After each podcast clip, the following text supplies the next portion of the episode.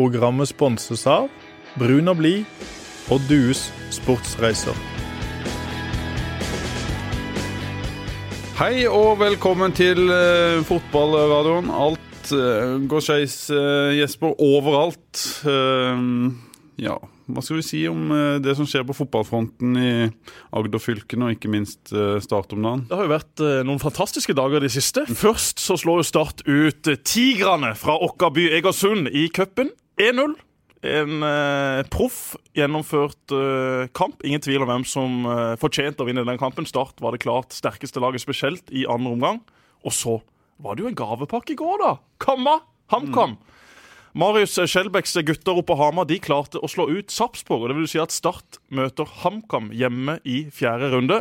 Og Nå skal ikke vi sitte her og jinxe noe, men eh, nå har jo Start kjempestore muligheter til å være ett av åtte lag igjen i cupen. Kvartfinale. Ja, og da kan man jo eh, faktisk få hjemmekamp i kvarten. Man kan få hjemmekamp i semien. Litt vanskelig å få hjemmekamp i finalen, men eh, nå er det muligheter, som min gode venn Bucks pleier å si når han kommer inn på bakgården etter 0-0-0-0. Så dette var jo faktisk en liten opptur i ei ganske mørk tid for sørlandsfotball. Men nå er jo sommeren, eller våren, kommet, Pål. Det er deilig. Ja, altså jeg var forbanna og jeg var sur og jeg var gretten etter at Start røyk så det sang borte i eh, Skien for Fagermo Co. Men nå er det jo Brann på besøk i helga, og så er det jo 16. mai, og så er det jo faktisk 17. mai dagen etter også i år. Så nå har vi mye gøy å se fram til. Nå har jeg kjent på at nå kommer energien tilbake. Akkurat ute og løpt en tur i Jegers. Ja da, litt snikskrytt der, altså. Men eh, det var iallfall en fin tur, full energi. Masse hyggelige folk i løypa. Ingen som ville snakke om Start, for jeg var all andpusten til å prate. Men uh, nå går det mot lysere tider, og jeg tror faktisk at det går mot bedre tider. Det kan ikke gå så veldig mye verre enn det det har gjort så langt i årets eliteserie. Men spår du at det kan komme et heldig poeng eller tre eh, mot Brann? Ja, det kan det. Brann eh, har vært fantastisk gode og har et ekstremt robust lag. Acosta og Wormgård, beste stopperparet i Eliteserien. To gode backer i Teniste og Kristiansen eller da Rolandsson, som mm. har spilt der i det siste. Og så har de jo en midtbanetrio som har spilt sammen egentlig siden Lars Arne Nilsen kom til klubben, som utfyller hverandre veldig godt. Fredrik Haugen vender jo ned til klubben han nesten ble klar for. Og så har de fått i gang Skålevik på topp, da. Men er det én uh, spiller uh, Simon Larsen og co. Uh, kjenner godt, nå skal ikke han spille. Jo, det skal. Det var ikke han som ble utvist. Han, han, spille. han har blitt utvist tidligere, han er tilbake ja. igjen nå.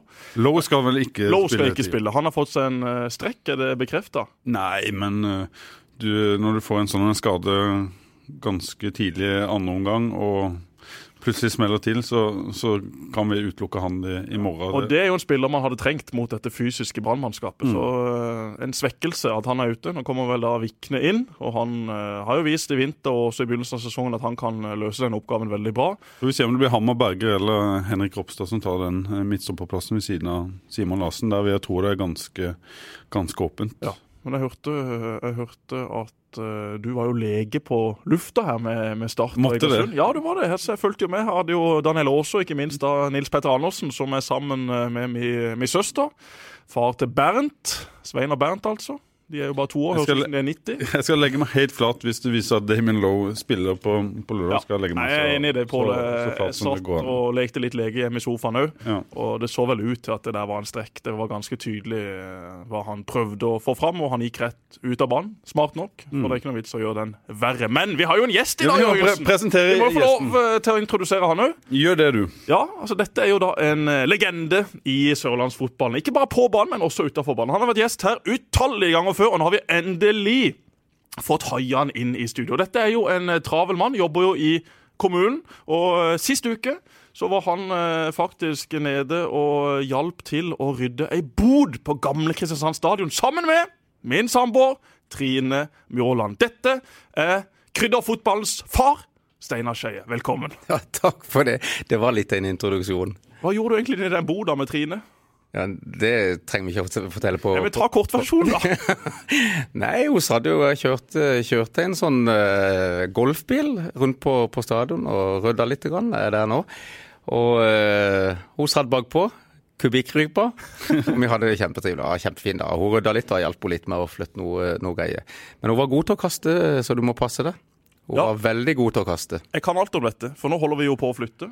Ut av det huset som vi har solgt. Vi skal jo inn i et hus en eller annen gang om x antall måneder, men vi har nå leid bare en svær container som er plassert i oppkjørselen, så nå skal vi da hive ut alle tingene i den. Men det er klart at det forsvinner bare mer og mer ting inn i huset. Jeg spør hvor er den? Nei, den har jeg kasta. Hvor er den? Den har jeg kasta. Og det er jo sånn det er litt, at vi har jo altfor mye ting. Vi bruker jo veldig lite. I går så plasserte jeg vel vekk fem, seks, syv dresser og 10-15 skjorter. Jeg er jo blitt feitere siden jeg la opp, så da passa jo ikke de skjortene like godt som de en gang gjorde. Da var det like greit å bare kvitte seg med dritet og beholde det som faktisk passer. Så det å flytte er jo også en grei måte å få rydda litt opp på, og den tar hun utnytta til det fulle.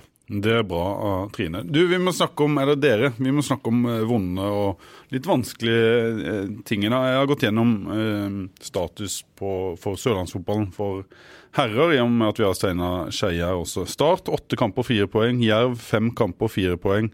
Arendal fire kamper, fem poeng. Fløy fire kamper, tre poeng. Start to fire kamper, null poeng. Vindbjart fem kamper, fire poeng. Det er 30 kamper eh, til sammen på de eh, seks beste lagene vi har her. 19 poeng. Fytti katta.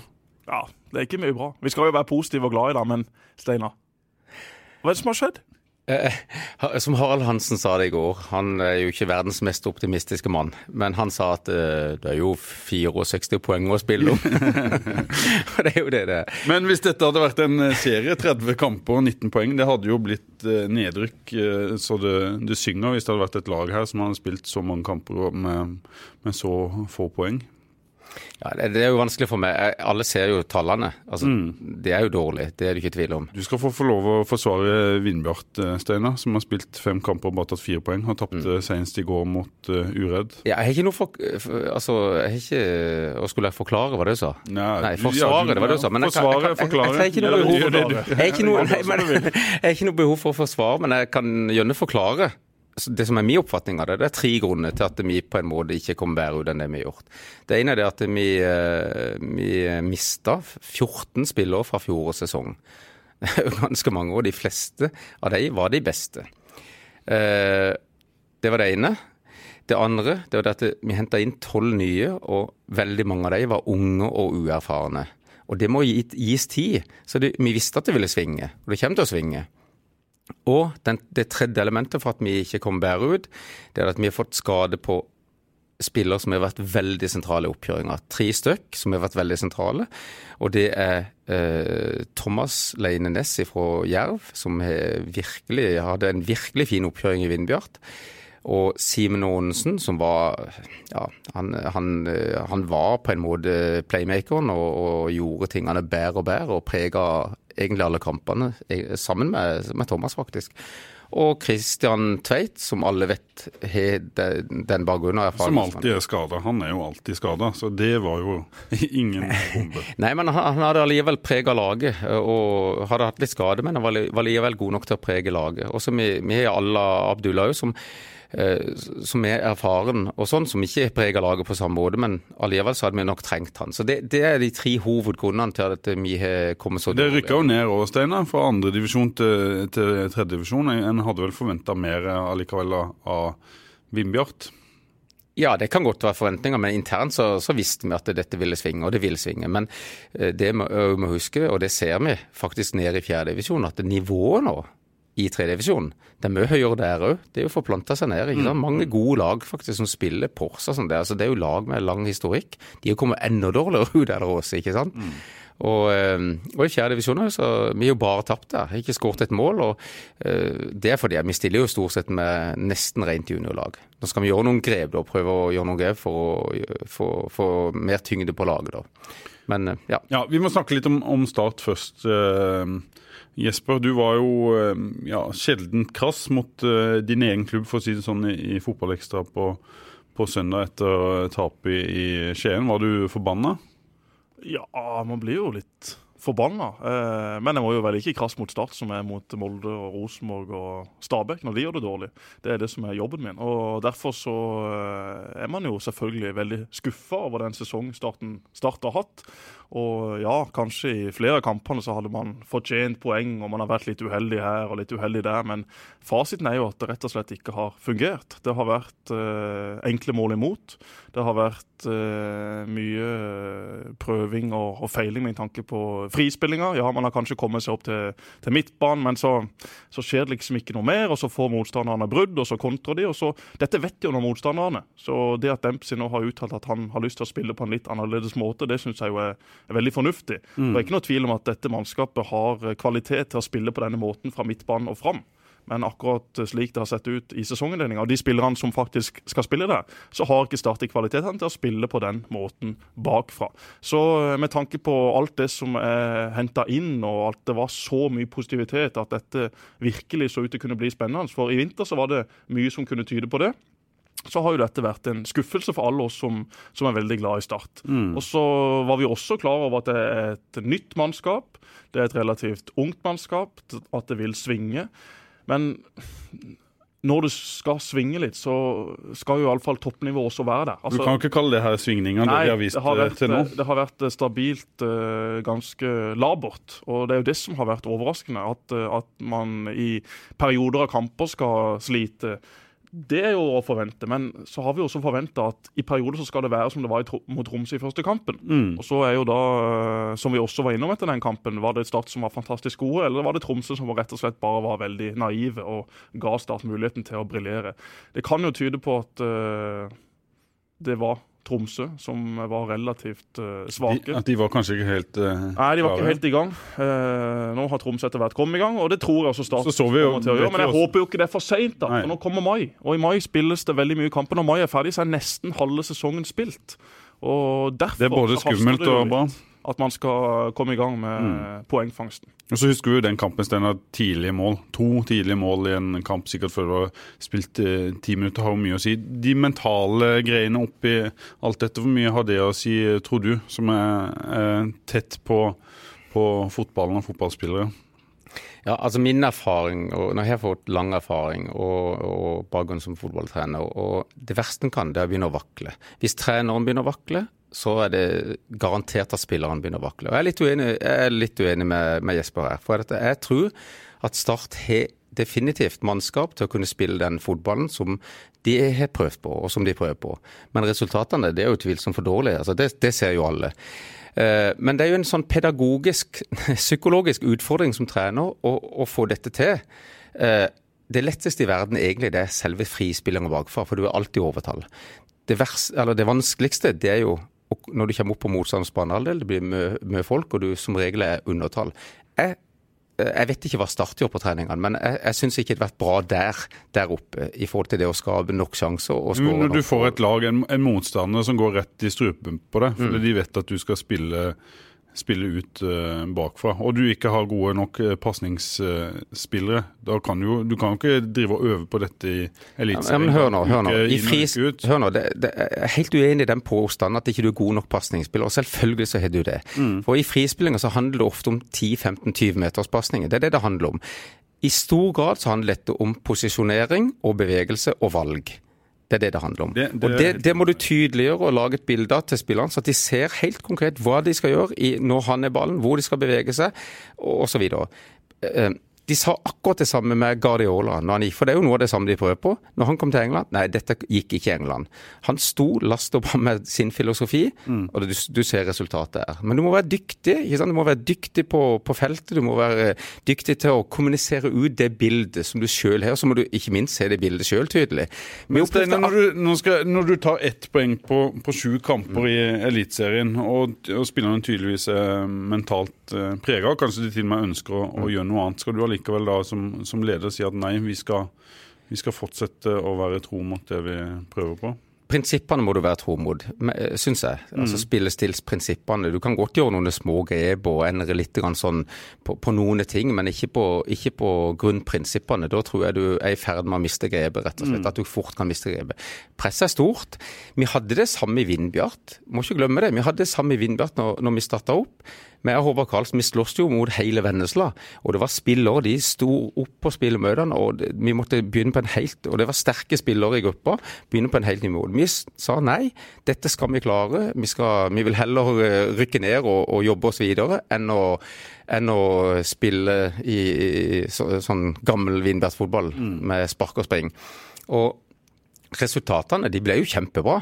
Det kan godt være vi pika i forhold til våre muligheter der oppe, men vi, vi, vi var jo stolte av mye av det vi fikk til.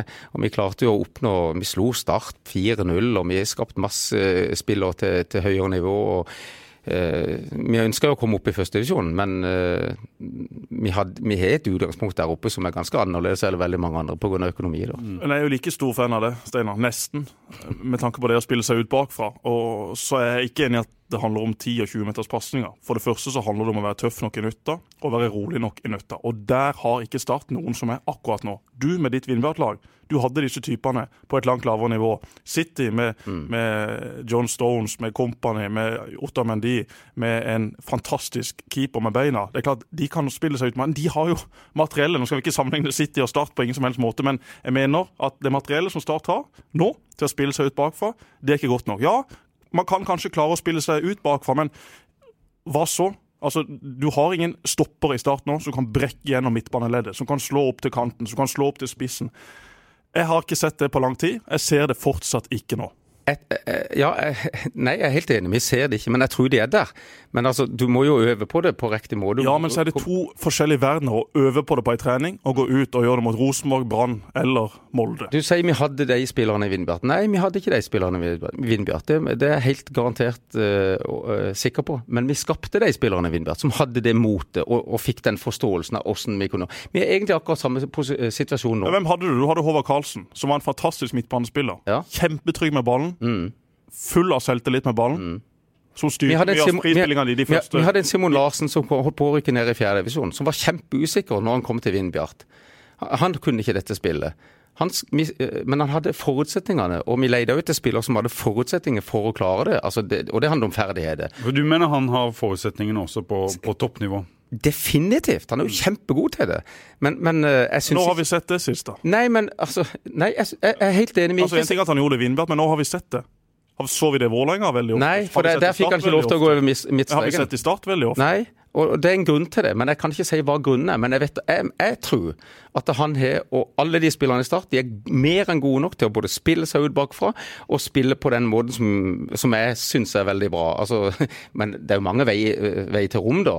Men den måten de har sagt de skal spille på eh, Start er definitivt spillere som er gode nok til det. Det er bare om å, å få satt dette system og, og skape de spillerne, ikke minst mentalt, som du sier. Du må være, det ser veldig modig ut når du kan det, så, så det er ikke Jo, men så må du også ha en signalspiller akkurat i den fasen av spillet. Altså, Har du én som kan gjøre det, så henger de andre seg på. Men når alle Kanskje er du til og med bare trenger én. Det er jo Ja, mange, du- ja, ja, mange, mange spillende lag som har én spillende midtstopper, så er det én Selvfølgelig. duellsterk som gjør det Selvfølgelig. enkelt Helt eh, hver enig. gang. Men, men E- sånn som det er nå, med, med, med Start når de spiller seg ut, så er det ofte sånn at ja, når ballen kommer tilbake til keeper ja, så er det også en ny keeper fra Tyskland som sikkert ikke har øvd så mye på dette, og iallfall ikke sammen med de han spiller med. Så Istedenfor å ta av presset, så blir det sånn som jeg ser det, du sender bare presset videre. Du sender pre videre til stopperen. Stopperen sender presset videre til bekken. Bekken sender det tilbake til stopperen, er over til andre er stopper, og så kommer han ingen vei. Ildkuler rundt omkring i, Ja. Forsvarsleddet som ingen vil ha. Etter fjorårssesongen så sa så ve veldig mange Eller jeg kan si det på en litt annen måte. Etter årets første kamper så var det veldig mange som sa Jøss, så god Håkon Oppdal er blitt med beina. Mm. For meg, nei. Han har alltid vært så god med beina. Det bare, Han har ikke fått lov til å vise det, fordi at de har hatt en spillelse som ikke på en måte eh, gjort, gjort det mulig å vise det. Og, og det, det er litt sånn det. Altså Du må på en måte utfordre spillerne eh, til å, å lære dem hvordan spillet skal være. Så, og ferdighetsmessig er ikke i tvil om at de har eh, mulighet til å, til å kunne spille seg ut. Det er jo det enkleste i verden. Så du mener det sitter i huet på veldig mange da? Og, Du kan ikke si det er det enkleste i verden, Steinar. Se, se hvor få som faktisk er flinke til det, også på den store scenen internasjonalt. Ja, men jeg tror Det det er enkelt å prøve. jeg, ty jeg tykker det er flere og flere lag nå som viser at de, at de kan dette og skjønner at de, de kan Det er det, men å si at det er enkelt, det er veldig Det er ikke veldig mange forsvarsspillere som er ekstremt gode til dette. Ja, det kommer flere og flere. Grunnen, grunnen til at jeg sier at det er enkelt, eh, det er fordi at du er alltid overtall stort sett bak på banen. Og hvis du ikke er overtall, ja, så blir du overtalt på midtbanen. Det det i stor grad handler om, det er å spille på seg press. og ikke overlate presset til andre, men spille på seg sjøl press. Ikke sant? For Ja, det det sier, gjør men da må du være kul i huet. Ja. Da må du være tøff nok. Og der er vi enige. Ja. Ikke sant? For Hvis ikke så blir det bare å sende presset videre. Helt enig, og det blir feil. Men da må, de, da må de bli fortalt det. Jeg vet ikke hva de blir fortalt på start, men jeg, jeg syns jeg ser at ikke stopperne er flinke nok til å spille på seg press. For når stopperen får ballen, sånn som jeg ser det i start, så spiller de tilbake igjen til den andre stopperen, istedenfor å utfordre og, og øh, spille på seg press, som gjør at det på et eller annet tidspunkt da, så blir det overtall. overtall. Vi er helt enige om det. Og, og så er det også noe av det jeg har kritisert tidligere, er at i begynnelsen av kampene, altså de første 10-15 minuttene, ja da trenger man liksom ikke gjøre dette. For man vet, som spiss som angriper, så hater man å løpe etter f.eks. Vindbjarts forsvarere. Etter de 10-15 første minuttene, hvis Vindbjart har spilt litt direkte og spilt med litt mindre risiko enn vanlig, ja, så, så, så gidder ikke spissen lenger. Da skal han fokusere på sine offensive bidrag. Og så er det litt sånn alibipress, som de fleste spisser er ekstremt gode på. Hvis Start åpner kampene litt mer direkte, slår den ballen litt lenger, ikke tar sjanser på egen halvdel, for motstanderen ligger jo bare og venter, så kan man jo begynne å spille etter hvert. Etter 20 minutter, etter 27 minutter, så er det jo mye enklere å frispille seg ut bakfra. For da er det andre laget ikke så på hugget. Det syns jeg også er et viktig poeng. Og det prinsippet der, det har vi brukt litt i Vindbjart, men det er ikke gått 20, det har gått 5-6 minutter, så har vi begynt å spille. Så det er Fem-seks går gått lenger. fem-seks sekunder. Kanskje det, kanskje det første sparket skal være direkte. Ja, Men så er det jo slutt. Det er litt sånn. Ja. det er litt sånn. Men, men la meg jo si, si en ting i forhold til Start. Jeg, jeg tykker de viste det i, i, i flere kamper, men senest den mot Haugesund på hjemmebane. Så de siste kvarter, siste ti minuttene, så fikk de plutselig en haug med innlegg. Det ble jo kjempefarlig, ikke sant? fordi at de da klarte, og det er det som er på en måte må, tykker jeg da, må være målet for Start, det har kommet til masse innlegg. Hvorfor det? Jo, fordi jeg mener at de er kanskje en av Norges beste eh, uh, i han Floke. Han er jo fantastisk god i lufta, men de klarer ikke å utnytte det. For dette, de slår ofte for tidlig innlegg. De, for lenger ned du kommer mot dødlinja, desto vanskeligere for motstander, for du har får større blindside. Og mot Haugesund så ble det jo skapt i bøtter spann de siste ti minuttene. Og det er der starten må komme. Og for å komme der, så må du faktisk ja, spille på deg press. Det er ikke bare det. Altså, en god crosser, det er ikke noe som er finere enn å se på det. Og det gjør vi masse. Vende spillet med en god crosser for å få direkte Det er jo dette de ønsker. òg. Steinar har kommet til mye innlegg. Står vel helt sikkert på blokka nesten før eh, hver eneste Det, det gjør han selvfølgelig. Og, og eh, jeg kommer aldri til å eh, håper å si, si at uh, Demps ikke er rett mann for Start fordi at han spiller på den og den måten. Altså, Jeg elsker hans tilnærming til fotball. Jeg elsker hans uh, engasjement og positivitet. og Jeg ser jo at i diverse kommentarfelt så er det folk som begynner å rope om at han må finne seg noe nytt å gjøre. Men altså, da er toppen av idioti nådd. For det er klart at nå har man fått tak i en av de mest spennende og en av de flinkeste trenerne i hele Norge ned hit. Vært jakta av flere klubber, vært i gode klubber. Har masse eh, gode ord på seg fra det ene til det andre miljøet. Så nå må de som eh, begynner å rope om sånne ting, rett og slett skjerpe seg. Dempsey kommer til å være i Start i veldig mange sesonger. Han er en fantastisk flink trener. Bare han får satt dette laget, bare han får inn litt mer materiell som passer hans måte å spille på, så kommer dette her til å bli dødsbra. Det er ikke noe som helst Men hvis resultatene ikke eh, kommer nå, da, Jesper, hva skjer da? Ja, men Jeg tror de kommer til å komme med Mark Dempsey som trener. Det er jeg helt 100% sikker på. Men jeg tror at han eh, trenger nok en eh, leder eller to i den garderoben. For det mangler det akkurat for øyeblikket, slik jeg ser det. Og jeg kjenner den garderoben ganske godt. Jeg kjenner ikke alle som sitter der, men jeg kjenner eh, de fleste. Og eh, jeg vet sånn tålelig godt hva som, hva som rører seg. Så hvis Start kan få inn en leder eller to i den garderoben, ikke bare i garderoben, men også da som kan være en slags leder eller kaptein på banen, så tror jeg dette her kan bli veldig bra. For det har jo ekstremt mye spennende med seg. Unge spillere som kommer til å vokse for hver uke som går. Men akkurat nå så er det tungt å sitte i den garderoben, fordi at nå ligger man sist. Nå vet man at dette blir først og fremst en sesong hvor man må fokusere på å holde plassen. Og det var jo ikke det man hadde håpt på i eh, februar og mars. Men som trener, så det Jesper sier, han trenger noen ledere. Men som trener så er kanskje det aller, aller viktigste det å tro på det du har begynt på. Altså kjenne det at du er en sånn trygghet på deg sjøl, og utstråle den tryggheten. Og så trenger du støtte ifra klubben. Ikke sant? Hvis nå folk rundt han begynner å stille spørsmål og begynner å presse han på, på ting Jeg er helt enig, Steinar. Det er et eh, veldig viktig poeng. Eh, Hvis det blir konflikter innad nå, så ja, da, da ryker det. Da, ja. da er det ikke sjans, tror jeg. da. For at du, Nå må de stå sammen med Mark Dempsey og kan godt diskutere om vi skal gjøre noen grep og noen små grep, men eh, han må kjenne på at han har full 100% tillit, for det blåser jo rundt han. Det må han tåle. Det er jo sånn det er å være i fotball. Det, det blåser rundt på, i Vindbjart òg, men jeg jeg må syns faktisk Dempsey kanskje har stått litt alene i det siste. Eh, I intervjuet med, med oss, eh, blant annet, så syns jeg han er den eneste fra den klubben nå som står og sier det akkurat som det er, og som ikke kommer med, med unnskyldninger. Jeg syns jeg hører litt unnskyldninger og en F.eks. fra Tor Christian Karlsen, som vi hadde her i, i studio for noen dager siden. Mens Mark Dempsey sier det akkurat sånn det. Vi har vært eh, altfor dårlige, og vi må rette opp eh, det som eh, vi ikke har klart å, å få til. Mens andre i, i klubben på en måte sier at vi har vært uheldige, eller at vi har prøvd å gjøre ditt og datt, og så har det ikke funka, istedenfor å ha fokuset på seg sjøl. Så jeg håper virkelig den ikke kommer i en situasjon nå, at, at det smeller eh, internt. Det er jo Dempsey har jo den måten å være på, og det er det som er sjarmerende med han, at han sier det uten Men han tar jo av masse press på seg sjøl. Det er jo så befriende og smart å si at uh, jeg skjønner at folk stiller spørsmål ved min, uh, ved min posisjon som, som trener, for vi har levert altfor dårlig. Det hadde jeg sjøl gjort hvis jeg hadde sittet på tribunen. Ja. Bare ved å si det. Yes, Så men, gjør det men, det, smart. med, å si, med all respekt til de som har meldt at eh, Dempsey bør finne seg noe nytt å gjøre, så, så er det jo ingen eh, holdt på å si, høyt respekterte fotballfolk som har vært ute og uh, rota på de stiene. For Nei. nå har Dempsey akkurat kommet i gang. i Men det var, heller ingen høy, høy, det var heller ikke mange høyt respekterte fotballfolk som mente at Steinar Pedersen måtte gå fra, fra start mot slutten av, av sesongen i fjor, da de, de lå på andreplass og, og opprykksplass. Og hva som eierne tenker, er jo for meg i hvert fall et, eh, et spørsmål oppi, oppi dette. Eierne har eh, 100 tillit til, til den jobben eh, Dempsey har gjort, og den han kommer til å gjøre i fortsettelsen. Det vet Jeg, jeg, jeg, veldig godt. ja, jeg er enig med Jesper. at eh, Jeg så, hørte ikke det intervjuet med Tor Christian Karlsen, men, men eh, det Kristoffer Langland uttalte i den artikkelen om han, det, det viste veldig sånn tydelig støtte til Mark Dempsey. og Det, det tror jeg er helt avgjørende, Ja. at, at han får den støtta. Og så er det som trener, da. Som jeg, sier, jeg, jeg vet jo ikke hvor, altså, god han egentlig er, det har jeg ikke peiling på. De skrytes veldig av han og alt det der, og det, det må en jo bare tro på. Men det er jo en pedagogisk utfordring å være trener. Du skal altså ha et bilde av sånn som du ønsker å spille. Så skal du formidle og kommunisere ut det bildet så tydelig som mulig i treningshverdagen, sånn at det gjenspeiler seg i kamp. Og det er en utfordring.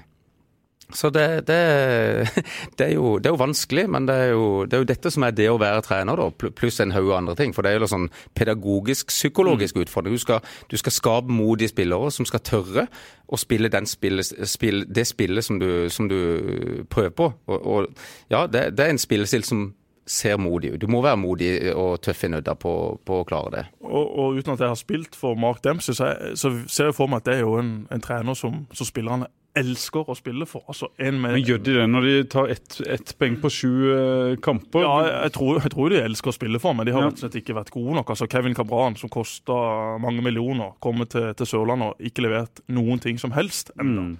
Det er klart at det er jo mange spillere her som har skuffa Afisa Remu på, på midtbanen, som nesten var solgt før sesongen var i gang, for han var så innmari god.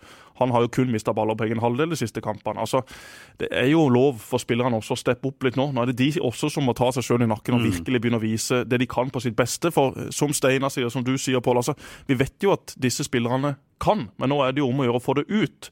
Dessverre så kommer jo kampene tett som hagl nå. Og da kan det jo fort være blytungt når vi nærmer oss juni, hvis ikke dette snart kommer i gang. Hva slags endringer tror du vi får se nå? Det er varsla at det kommer noen endringer, uten at de uh, har vært konkrete på hva de skal gjøre. ligger jo litt i kort at de kommer til å gjøre ting litt enklere. Det er jo sagt òg. Hva, hva vil det bestå i, Jesper? Jeg vil jo tro at, eh, at Mark vil at, eh, at Start ikke skal spille med, med så mye risiko i begynnelsen av kampene. Nå er det om å gjøre å komme greit i gang mot, eh, Brann på, på lørdag. Ikke får spilt eh, på seg noe brudd, for man vet at eh, Brann med Skålevik og ikke minst Gilbert Komsson på, på høyrekanten har ekstrem fart og er veldig god på dette.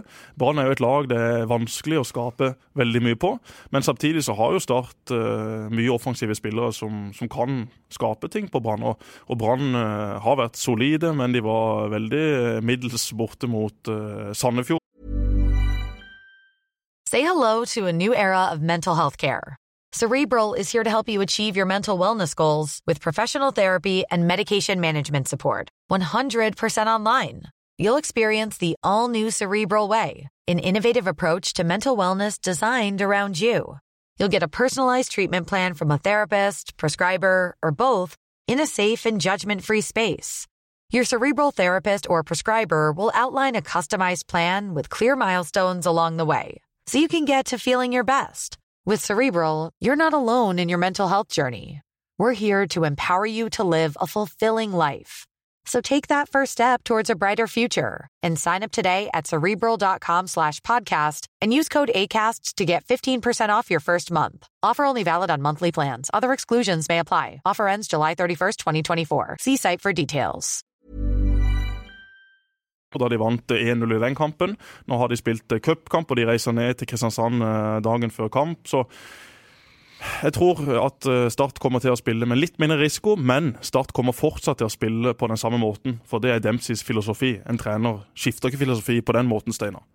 Nei, jeg håper Jesper tar feil. Jeg håper de spiller med større risiko for den tryggheten som er nødvendig for å spille den fotballen. Det håper jeg. Som, jo, sånn, det, det vet jeg du håper, Steinar, men nå ble jeg spurt om hva jeg tror. Ja, ja, ja det er noe annet. Yes. Det er noe helt annet, og det kan godt være du er rett i det. Og jeg elsker, du, og jeg elsker at du er så romantisk med tanke på det å spille seg fri og spille med mer risiko. Nei, det er ikke romantisk. Men det er veldig få fotballspillere som er i Start i dag, som hadde takla det å spille med enda større risiko. Da hadde i alle fall dette gått galt. Det, det, dette er jo en, eh, en, utfordring for trenerne for å skape de spillerne, og jeg tror det er fullt mulig. Eh, la, oss ta, la, oss ta, han Kabran, som dere var inne på. Jeg tykker, og Floke, da, jeg tykker jeg ser et vanvittig potensial. Så sa dere så på han på sist kamp. Så tenker du de to sammen? Nei, ja, det òg, da. Men, men, nå tenker jeg enkeltvis som ja. spiller. Så, så ser jeg på Kabran. Og Jeg har sett han på noen videoer på YouTube, og sånn, og han har jo et potensial som er helt rått. Mm. Men nå så ser han faktisk ut som han, han er tung og nesten litt treg. Og, ja, ja, og hvorfor det? Jo, antagelig så er han prega av dette som er skjedd. Og så er det kanskje litt andre ting som ikke er kjent til. Han er en dyr spiller, og det er masse press på han osv. Hvor ofte ser men, du men han det, spurte? For nei, eksempel, men, det syns jeg er et godt tegn på en spiller som sliter mentalt. At han på en måte lunter rundt i samme tempo jo, men hør nå. Det, det, det, når vi kommer til den konklusjonen, ja. Pål. For det, er jo dette som er det du, du sier. Ja. Det ser vi. Ja. Ikke sant? Ja, men det er sant, det. Det ser, det ser du, det ser, ser jeg. Og så vet vi det at hodet og hjernen, det henger sammen med muskulatur. Hvis ikke hodet er på rett plass, så lyster ikke muskulaturen.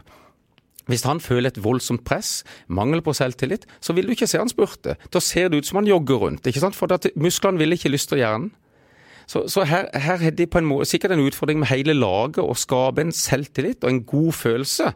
Og, og Hvis du plutselig skal begynne å gjøre en haug andre ting og si at nei, det, dette som vi gjorde, det er vi ikke gode nok til heller snu det og si at dette skal vi bli gode nok til. Så får vi leve med presset utenfra. Leve at noen hyler der og noen hyler der. Dette skal vi stå sammen om og, ta, og, takle sammen. Men er du enig i at da er sjansen for at alt går til helvete, for å bruke det uttrykket, mye større? Hvis du fortsetter å kjøre, så kan jo på en måte alt Nei men, være, nei, men du må være dyktig på feltet, du må være flink, og du må ha mange med deg. Og du, du må ha forståelse i folk rundt deg i klubben. At mm. dette skal vi få til, dette skal vi klare. Og få den tryggheten og tyngda, og så må du være sterk sjøl. Når du sier det sånn, Stein, så høres det jo veldig fornuftig ut, uh, Jesper. Men romantisk. Steinar er en fornuftig mann, og så har han en romantisk tilnærming til fotball som ja. Eh, vi alle egentlig eh, er veldig glad i. Mm. Eh, og så er det noe, Hvis du hadde gjort det og fått det til, da hadde du ja, men, Hør nå, det er ikke, ja, også, ja, du, du, bruker det ordet romantisk. Ja, men det er jo romantisk. Ja, men, hør nå. Du skal spille med mer og mer og mer risiko. Det er som på oddsene. Hvis du taper, så skal du bare spille mer og mer og mer, og det går som oftest rett til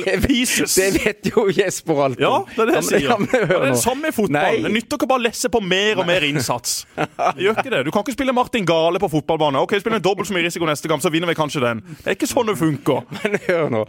Men dette handler jo heller ikke altså nå, nå, er jo vi veldig altså Dette med frispillinga og spille med sånn risiko eller sånn risiko, det er jo egentlig ikke det dette handler om. Dette er bare fordi vi har eh, mista frispilling i studio, så er det greit å diskutere litt med han rundt det. Poenget er hvis du har ballen i laget, så kan ikke motstanderen skåre mål. Men da kan du skåre sjøl. Vennlig hilsen Bismar Acosta på Marienlyst.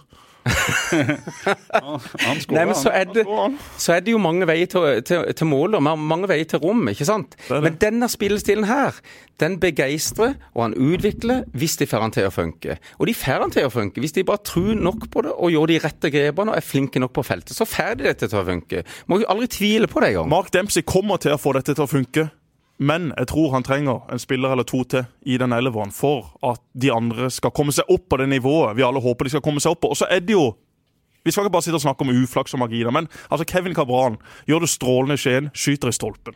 Altså Går den inn, så har han fått den skåringa si. Da er han i gang. Da hadde ikke Start blitt ti mann like etter, eh, sannsynligvis. For da hadde jo ja, ingen hadde visst hvordan kampen da hadde gått. Så det er klart at eh, for en spiller som han også, er helt enig. Man ser jo at han har noe med seg. Man så det glimtvis i vinter. Man så noen innlegg han slo som var Christian Bolanos klasse osv.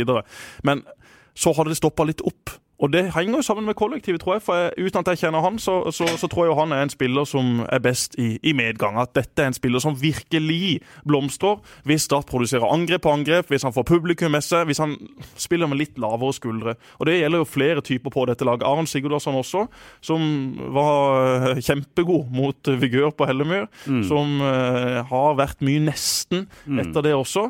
Det er klart Start har jo spillerne. Vi har sett Sigurdarsson herje på diverse eliteseriearenaer før. Men han også må få gode opplevelser sammen med sine lagkamerater. Så kommer dette til å bli bra. Men jeg håper bare ikke at det tar så himla lang tid før eh, de er i gang. Uansett i livet hvor du skal prestere, så er sjøltillit viktig. Og sjøltillit det er noe som kommer gjengen. Jo, jo, men det, ikke sant? Det er jo det. Selvtillit hva var det du sa for noe, egentlig? Jeg sa bare ja vel, liksom. ja, men det er det. Skal du prestere optimalt og få det beste ut av hver enkelt spiller, så er selvtillit nødvendig, både individuelt og kollektivt. Og da er spørsmålet hva skal til for å få den selvtilliten? Så vet vi det at mestring og god opplevelse, som du prater om, ja, men det kan være med på å utløse liksom den selvtilliten som skal til, sånn at musklene lystrer og, og liksom du sprudler som spiller og får ut det optimale. Og, og, her kan det gjøres mange grep, både internt uh, i, i, uh, i Start Eh, men òg individuelt. At de blir bevisst på hvordan de skal tenke. og hvordan, eh, For dette, det du tenker, da handler du sannsynligvis i større grad sånn som, sånn som du ønsker. Så det, det, dette, dette, må de bare tro på, og dette vil løsne. hvis og Det var en god opplevelse mot Egersund. Ja, selvfølgelig skal man slå Egersund. Man skal slå ut et andredivisjonslag. Men det er ganske mange eliteserielag som har slitt mot denne type, type motstand. Og de scenene etter kampen eh, var ganske sånn fin å se på hjemme i sofaen. For Det så ut som at Start faktisk hadde kvalifisert seg for å spille på Ullevål. Mm. For uh, Lars Jørgen Salvesen var helt vill i nikkersen for å ha slått Egersund. Og det syns jeg er deilig. Da mm. ser du ei spillergruppe som har hatt mye motgang, og som er litt pissed. Altså Nå mm. må folk bli forbanna. Mm. ikke sant? Når vi sitter her og kritiserer de gutta, ja, men ut og vis oss, da! Mm. Ja.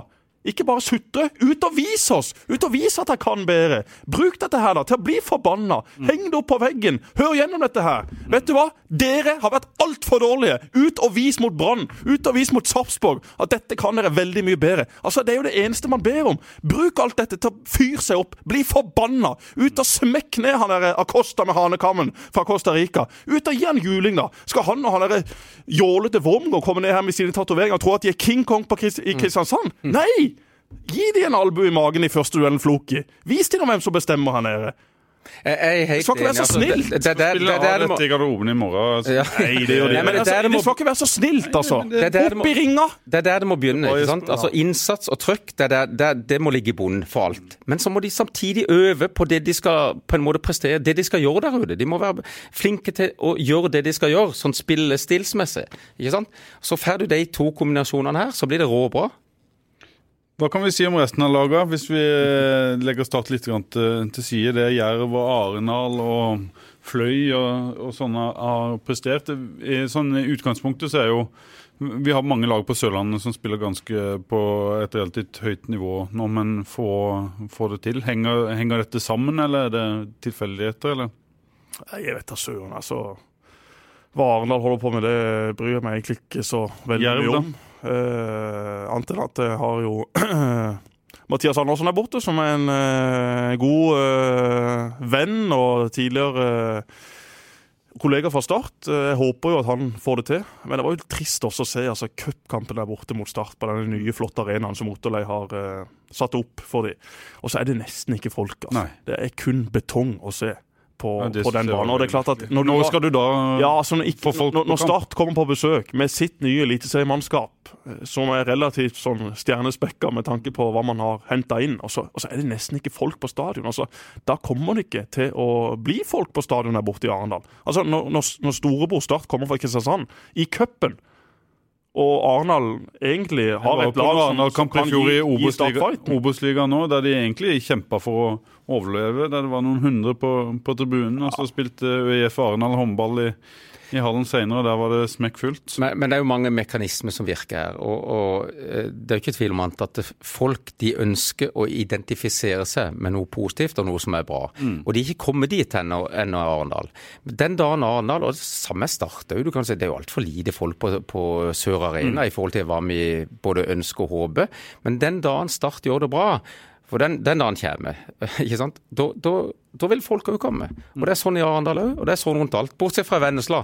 Hadde Start spilt i Vennesla mot Vindbjart, ja, mellom 3000 og 4000. Garantert. Kanskje fem. jo, men, men og, og, det er helt, altså, Start har ikke mye folk, men, men, Start har jo altså, Hvis du ser på hva de andre har rundt forbi, så er det ikke sånn at Start har veldig lite folk heller. Altså, Se, se, Nei, se i Bergen. altså Brann kjemper om medalje hvert år. Så noen som regner ut uh, uh, opp mot uh, befolkningsgrunnlag, så kommer jo Bergen dårligst ut av alle. Yes, det gjør men, det. men dykke som sier det her, det er jo noe av hovedårsaken til at det er blitt så dårlig med folk på tribunene. Nei. Jo, for dere, hør nå, dere lager altfor gode sendinger. Det er så bekvemt å sitte hjemme i sofaen og høre på. Jeg, når jeg sitter og ser på kampen, så er Jesper Mathisen på, på, på iPaden, og så ser jeg kampen på TV-en, og så sitter jeg med telefonen og Ikke sant? Det er jo sånn samfunnet Må vi gjøre noe som, sånn som de har gjort i England? I Premier League har de jo ikke lov å vise kamper når hovedrundene går rundt om på på, på puber og sånne ting. Og så er det noen kamper på søndagen der du må ha lisens for å, å vise kamp. Ja, dette er jo en stor uh, diskusjon og et stort uh, lerret å, å bleke. Hva heter det? Stort lerret å bleke? Ja, veldig bra. Ja, den er fin. kjipt, å, kjipt å bomme på den. Stort ja. og lerret. Nei, uh, ja, det, selvfølgelig er det blitt altfor tilgjengelig, dette her. Vi kan se La Liga, vi kan bra. se Premier League, vi har sett ja. vi kan se norsk fotball altså akkurat når vi vil. Og det er klart at vi som fotballidioter, vi, vi kan ta til oss det meste, men for folk flest så så er det jo så Det er men, det som er problemet. Men den der gjengen som er glad i norsk fotball, den virker å ha blitt ganske liten. Mange som er veldig opptatt av norsk fotball, mange journalister, eh, supportere. Men liksom antallet er vel ikke så stort? Nei, det, det interessen er blitt større. Det er jo det som er hele poenget. Ja, interessen, ja, jeg er helt sikker på det. Interesse, og, og, for norsk fotball? Ja, Hvordan kan jeg si det? Ja, for norsk fotball så er interessen blitt større. Jo, men se på Jeg syns det bare. Ja, men, Akkurat som du. Ja, og Hvordan klarer Fotballforbundet å selge TV-rettighetene eh, til så Det er jo milliarder de prater om, ikke sant? Hvordan klarer de Jo, for eh, de selger jo, de selger jo til publikum. ikke sant? Ja, Hvorfor det? Jo, for folk er interessert i å se det. ja, men de er ikke så veldig interessert i å se det. Jo, eh, Jesper. Min opplevelse med å sitte hjemme i havestua med fyr på peisen, grilling og Har du solgt huset litt? Nei, nei, ikke sånn. Jeg må vente litt. Må, ja, men det kan du. Hjertelig velkommen. Hjertelig, det er hyggelig. Men, men greia er det at vi stort koser oss. Det, det er billig, og det er informativt og kjempegode programmer. ikke sant? De, mm. de, de, er jo kjempeflinke på dette. her. Både TV 2 og eh, Feven kjørte jo kanonsendinger på, på de der cupkampene. ikke sant? Det var hyggelig. Jeg var jo med sjøl, så jeg kunne, jeg kunne, si det. jo, jo, men, men, jo da. Og, og, og, men, men, klart, hvis du ser på seertallene fra da, da, det var på sitt beste, så er jo seertallene ingenting i forhold til, til, hvor norsk fotball var for en del år siden. Og så er det om å gjøre å skape den interessen igjen. Da. Det er jo veldig mange ting som må på plass før, før det er tilbake. Og så spørs det jo om det noensinne kommer tilbake. Rett og slett fordi at uh, Premier League og spansk fotball og Champions League, altså alt er så tilgjengelig. Men tror du dette henger sammen med landslaget, Steinar, som vi kanskje Eh, hvis vi ser litt hvordan det går med, med U-landslag og sånn, og kanskje inn på, inn, på, vei inn i en litt annen Jeg skal ikke si en gullalder, men en annen tid enn det vi har vært de siste ti åra? Jeg, jeg slenger fram en påstand at det er stor interesse, så stor interesse. og Det kan godt være at det er feil òg, og det tror jeg det er mange faktorer som spiller inn. Ja, Discovery liker jo å skryte at disse her seertallene har gått opp. Ja, Gratulerer med det. Det er de jo gjort, fordi at TV 2 la jo alle de beste kampene bak betaling det siste året, kun for å tjene penger på dette. Hadde TV 2 kjørt det på åpne kanaler, slik Discovery gjør, så hadde jo seertallene vært en helt annen liga. Bare så det er klinkende klart. Ja, Det var den reklamen, ikke sant? Og, og... Nei, men Vi må ikke bedrive fake news her, Jan Erik Aalbu og co. Men, Olbu men... er ikke det lenger, men han har drevet dette mange ganger. Og er jo en fast lytter, da, Jan Erik Aalbu! En strålende mann som har vært aktiv i norsk idrett og norsk mediebransje i en årrekke. Hører faktisk hver eneste episode av Fotballradioen. Fikk en melding av han her om dagen. Spiller mye golf, reiser til Orlando, lever livet i Ålbu. Far til Andreas i, uh, i uh, Bærum. Uh, men det ryktes at det er mora som har vært den beste spilleren av herr og fru Ålbu. Så bare en liten hilsen der til Jan Erik Seatall Ålbu. Men tilbake til landslaget, som Ja. du spurte om. Så tror jeg jo det er en Tilbake på TV 2, forresten. Seatallene kommer til å skyte til værs nå med gode resultater. Nå må du stagge av. Ja, Vi skal ikke klippe dette programmet. Det er målet for, foran hver eh, episode. Det som er så deilig. At her skal det ikke klippes. Så nå er det nok, eh, Jesper. Ja, tilbake til landslag. Vi kan ta litt Vi om landslaget før vi Tre- Alle gode ting er tre. Vi, vi gir oss etter å ha hatt en liten diskusjon om, om landslaget, og kanskje også nedom om G17, som gjør det bra. Ditt spørsmål hva mye det betyr i forhold til interessen. La oss si at eh. Norge kommer til neste EM. Hva vil det ha å si for Jeg tror det har mye å bety. Jeg tror det. For at det, igjen, hvis Norge kommer til EM og uh, gjør det bra, så, skaper, så, så ønsker folk å identifisere seg med det som er bra. Du ønsker å heie på noe som er bra. Når det går dårlig, så trekker folk seg. Det er bare sånn mekanismene er. Og, Uh, og hvis et landslag gjør det bra, så vil det jo eh, bli bra, eller bedre i alle fall, ute, ute i klubb Norge, altså i fotball-Norge.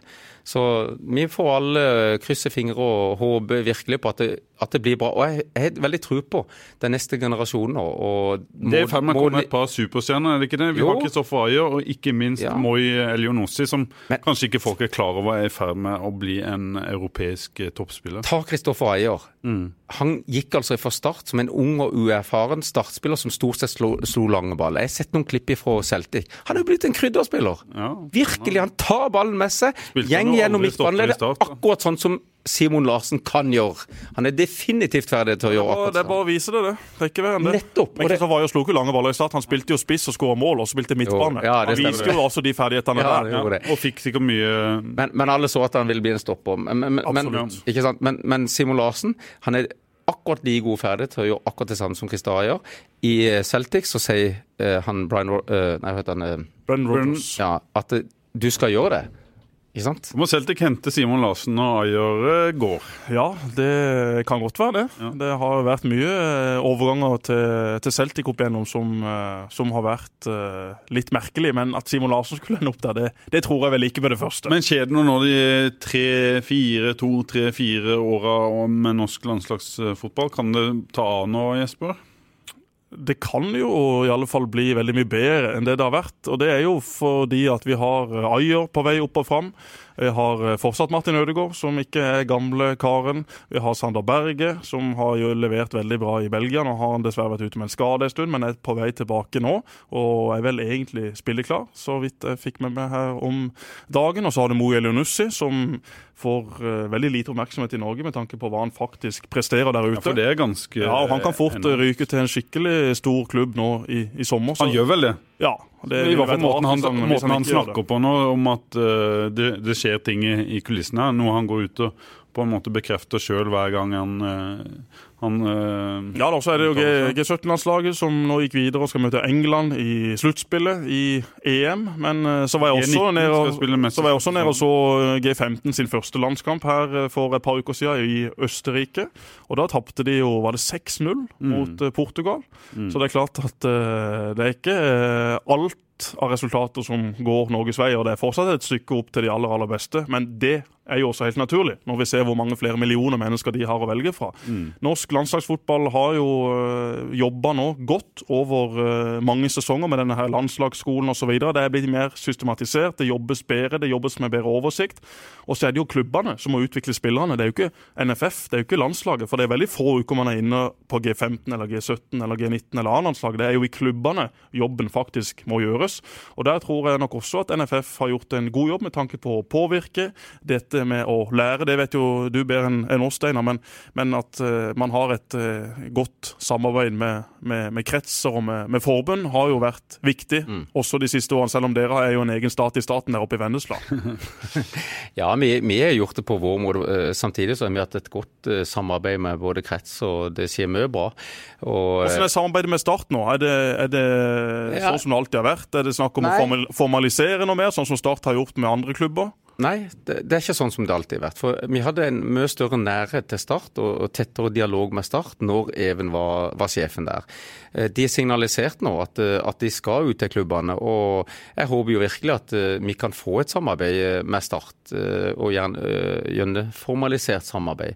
Eh, Dette året her så er det ikke én eneste spiller som er kommet fra Start til Vindbjart. Det er altså gått start, eller spiller, unge, unge spillere prater om nå. Til Larvik og til Fløy og rundt forbi alt, men ikke til Vindbjart, som faktisk har vært den klubben som er eh, de siste årene produsert flest spillere tilbake igjen til toppfotballen. Så det, som kanskje spiller mest likt som Start ønsker. ja, per i dag så er det jo ikke tvil om at vi gjør det. Så, så det har vært en Ja, og er, ikke, er, ikke, og er ikke det litt trist? Er ikke det litt unødvendig at spillere skal reise til Larvik for at de får et par tusenlapper mer i måneden der? Det er helt totalt unødvendig. Og, Men det handler jo ikke bare om Start, det må sies. Det handler jo også om, om disse spillerne og hva de, hva de ønsker. Jo, Og selvfølgelig. Men jeg tenker, jeg tenker sånn at er du ung spiller, er du, om du er 16, 17, 18 eller 20 år gammel, og du løper rundt på en fotballbane i Kristiansandsområdet, og hvis Start er den store drømmen din, ja, så reiser du ikke da til Larvik for å tjene 5000 kroner i måneden. Da holder du det området, da får du trent med Start, du kan spille for Vindbjart eller Fløy, altså nå har man jo lag, eller Jerv, nå har man lag i alle divisjoner her nede, som man egentlig har et godt samarbeid med, og jeg vet jo at Men det eh, finnes jo ikke noen fasit på det, Jesper. Det finnes jo spillere som har reist ut fra Sørlandet tidligere og kanskje aldri hadde fått den karrieren de har fått hvis de hadde blitt. Ja, men jeg sier, jeg sier for min del. Ja. Altså, for meg, som var Start den store drømmen. Ja. Men målet, målet må jo være, både for Start og det, det er ikke sikkert Start er gode nå, gode nok på dette i dag. Jeg tykker målet må være for Start og oss andre i sørlandsfotball at vi må få fram, fram så mange eh, av de talentfulle spillerne. For det er en haug av talentfulle spillere. Det var en som sa til meg en gang at eh, en sentral, jeg skal ikke nevne navn på det, men som sa til meg at det, det går ikke an å ha elleve spillere fra Sørlandet på, i Eliteserien. Jo, det går an å ha elleve spillere i Eliteserien. Det er jeg helt overbevist om. Men du må, du må, du må finne talentene, og så må du jobbe med dem over tid. Så kan du ha en haug av- sørlendinger på, uh, i Eliteserien. Det skulle si, Pål, ja, at eh, for en kristiansander, eller for en sørlending, da, så i mitt hue så er den store drømmen å spille for Start. Og så kan du jo ha større drømmer enn det også, etter hvert. Men Start er liksom den første milepælen. Det å komme seg inn i en avstand, det å begynne å fighte om en plass i elveren, og etter hvert å komme seg inn i elveren. Hvis du ikke har tålmodighet eller lyst nok til det, hvis du heller vil reise til Larvik, eller hvis du vil reise til Vestland eller Nord-Norge, eller hvor det skulle vært, ja, reis. Reis av gårde. Tjen noen ekstra tusenlapper, og ha lykke til med det. Men det må jo være et inderlig ønske om å slå gjennom i din egen klubb, i din egen by. Og da syns jeg jo det blir ekstremt viktig for Start å ha et kjempegodt samarbeid med Vindbjart, med Fløy, med Jerv. Så har du egentlig klubber på masse forskjellige nivåer som spiller på litt forskjellige måter. Litt forskjellige trenere, litt forskjellige tilnærminger til dette her. Og jeg vet jo at Kristoffer Langeland er ekstremt opptatt av dette. Jeg vet jo at Atle Roar Haaland, som er på vei inn, garantert vil eh, ta seg av veldig mye av dette. Opprette en tett og god dialog liksom med Vindbjart og Fløy og alle de andre. Nei, Atle har jo ikke helt kommet i gang med dette ennå, det har jo vært litt sånn Kanskje det har vært en del andre ting å ta tak i før man kan ta dette, men jeg vet jo at dette kommer til å bli tatt tak i. Og da får jo Vindbjart en viktig rolle igjen, slik dere har hatt tidligere, for å utvikle toppspillere. Men, men det, jeg er jo enig med det Jesper sier. Men Jesper han, er jo, han, er, han ble født med Start i hjertet, han. ikke sant?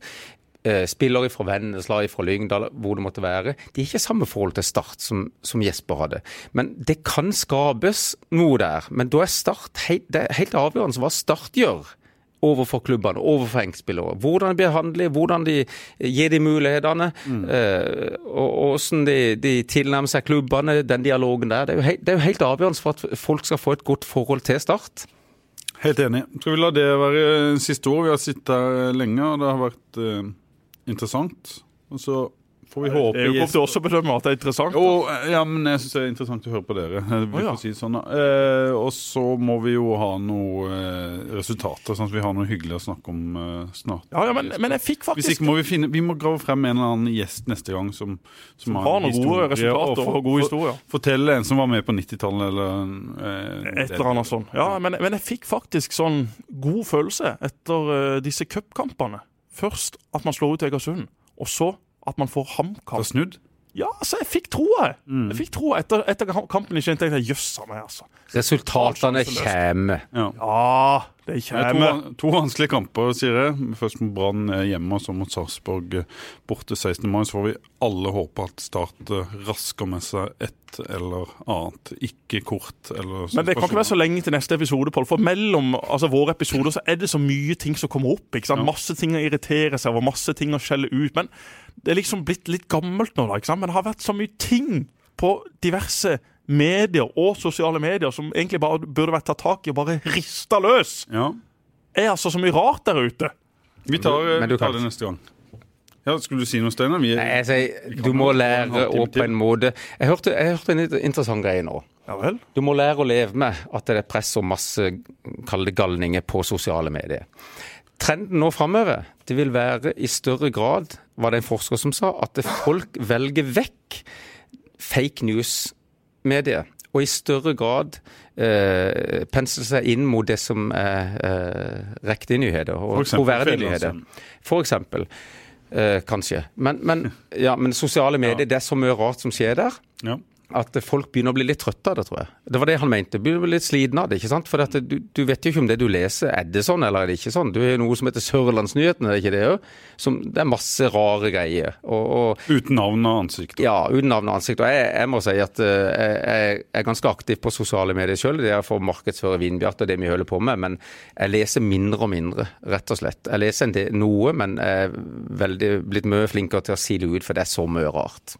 Og det tror jeg blir trenden framover. Og da at det blir mer rart? Ja, det gjør det òg, men at man siler vekk. Ja, det gjør man sikkert, men, men det vil jo alltid være mye rart. Og, og det er jo selvfølgelig eh, veldig frustrerende. Men jeg syns jo det er litt gøy òg, da. Altså, jeg syns jo det er gøy å irritere meg. Jeg tar jo printscreen dagen lang og sender til diverse folk. ikke sant? Se på dette her, se på dette her. Sånn er det egentlig. Sånn prøver de å fremstå. Altså, det er så mye altså, selvbedrag der ute. De prøver liksom å fremstille seg sjøl som noe de faktisk ikke er og aldri har vært. Det er så lykkelig, det er så mye glansbilder. Og så vet du at dette her forholdet det ryker om ei uke eller to, og så ryker forholdet. Og så er det bare helt topp å være alene igjen, og så er det helt topp å være sammen igjen. Og så fikk de en unge der og en unge der. og så... Altså, Det er så mye sånn, altså. Så skal de liksom prøve å overgå hverandre hele forbanna tida. Det er ikke bra. Dette er en del av Og jeg leste også et intervju, med, uten å nevne navn, men som ikke mente det hadde vært terror i Norge. Nei. Det har ikke vært terror i Norge. Nei, Hva var da Utøya? Hva var det da som skjedde 22. juli? Var ikke det terror? Hva var det da for noe?